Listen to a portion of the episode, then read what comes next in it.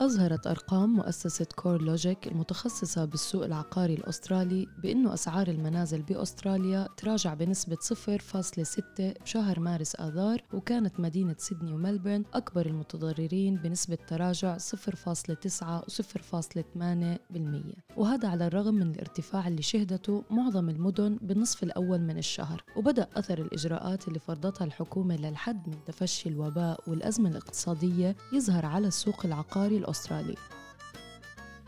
مرحبا معكم مرام إسماعيل من بودكاست لنحكي عن المال.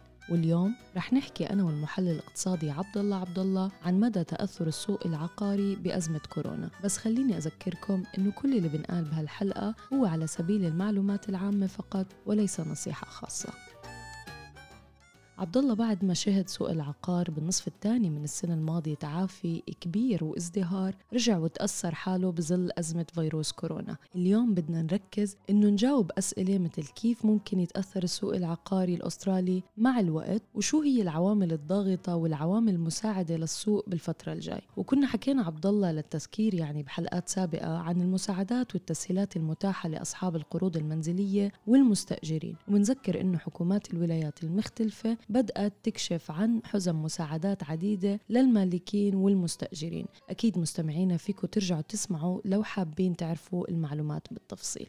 صحيح مرام أول شغلة نذكرها أنه توقع مناحي السوق العقاري هالأيام صعبة جدا وهي مرتبطة بالدرجة الأولى بسرعة سيطرة الحكومة على انتشار الوباء وعودة الحياة تدريجيا لطبيعتها لتعود مع عجلة الاقتصاد للدورة. طبعا الجواب عن سؤال متى ممكن يصير هذا الشيء؟ صعب جدا بهالوقت. ولكن لحسن الحظ إنه بأستراليا بدأنا نشوف انحسار بأعداد المصابين الجدد أو مثل ما بيقولوا لها الكيرف بدأ بالانحدار، هذا الشيء مطمئن، طبعا ما فينا نتفائل دغري بعودة الحياة لطبيعتها بسرعة، وهون الحكومات امام خيارات عده عم بيتم دراستها، ولكن مرام نحن بالفعل امام اشكاليه غير مسبوقه، التوازن بين الصحة العامة للبلد واقتصاده مسألة صعبة. بس نحن مثل ما معودين المستمعين ببودكاست لنحكي عن المال نضع أمامهم كل المعطيات والمعلومات المتوافرة بشكل موضوعي.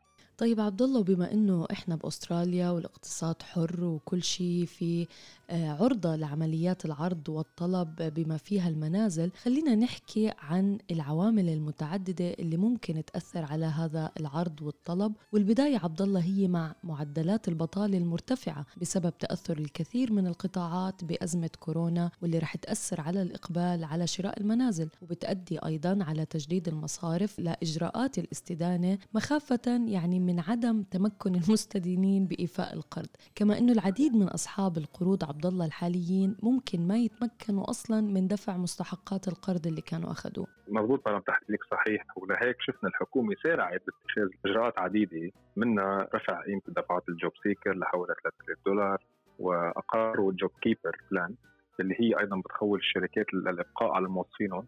عبر دفع لهم 3000 دولار بالشهر مقابل كل موظف كمان مرام شفنا الحكومة تدخلت مع المصارف لتأجيل دفعات القروض من ثلاث شهور لست شهور حسب كل مصرف شكل.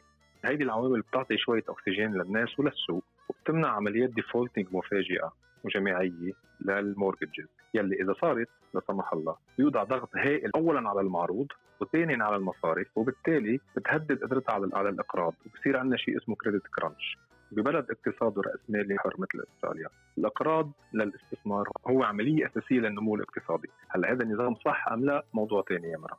طيب عبد الله شفنا إنه البنك المركزي خفف أسعار الفوائد وبالتالي معظم المصارف مرأت هذا التخفيض على المستهلكين أي إنه أصحاب القروض خف عليهم دفعاتهم الشهرية بمعدل 50 ل 100 دولار شهريا.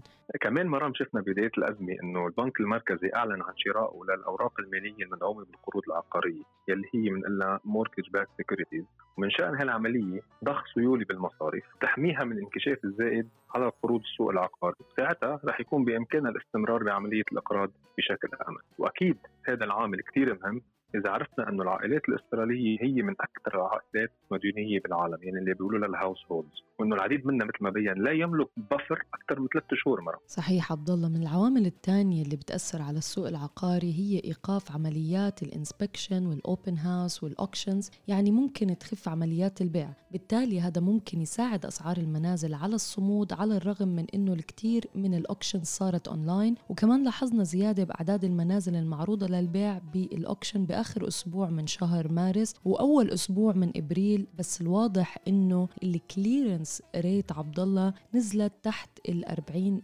بالمدن الكبرى بعد أن تخطت ال 75% بشهر شباط فبراير. يعني أكيد عبد الله هاي التغييرات بأعداد المنازل المباعة كبيرة إذا قارناها بمعدل انخفاض الأسعار اللي مثل ما ذكرنا بالبداية هو 0.7% مضبوط برام الانخفاض حاليا هو عم بيكون بالأعداد. يعني فوليوم ومش بالأسعار بالي لحديت هلأ بنشدد إنه لحديت هلأ. هلأ شهر أبريل نيسان اللي نحن فيه ممكن يعطينا فكرة أكثر عن التغييرات الحاصلة فعليا. والأرقام مرام تعكس حالة عدم يقين يلي عم تسود السوق بالوقت الحالي والانخفاض بثقة المستهلك نتيجة الأزمة الاقتصادية الحالية.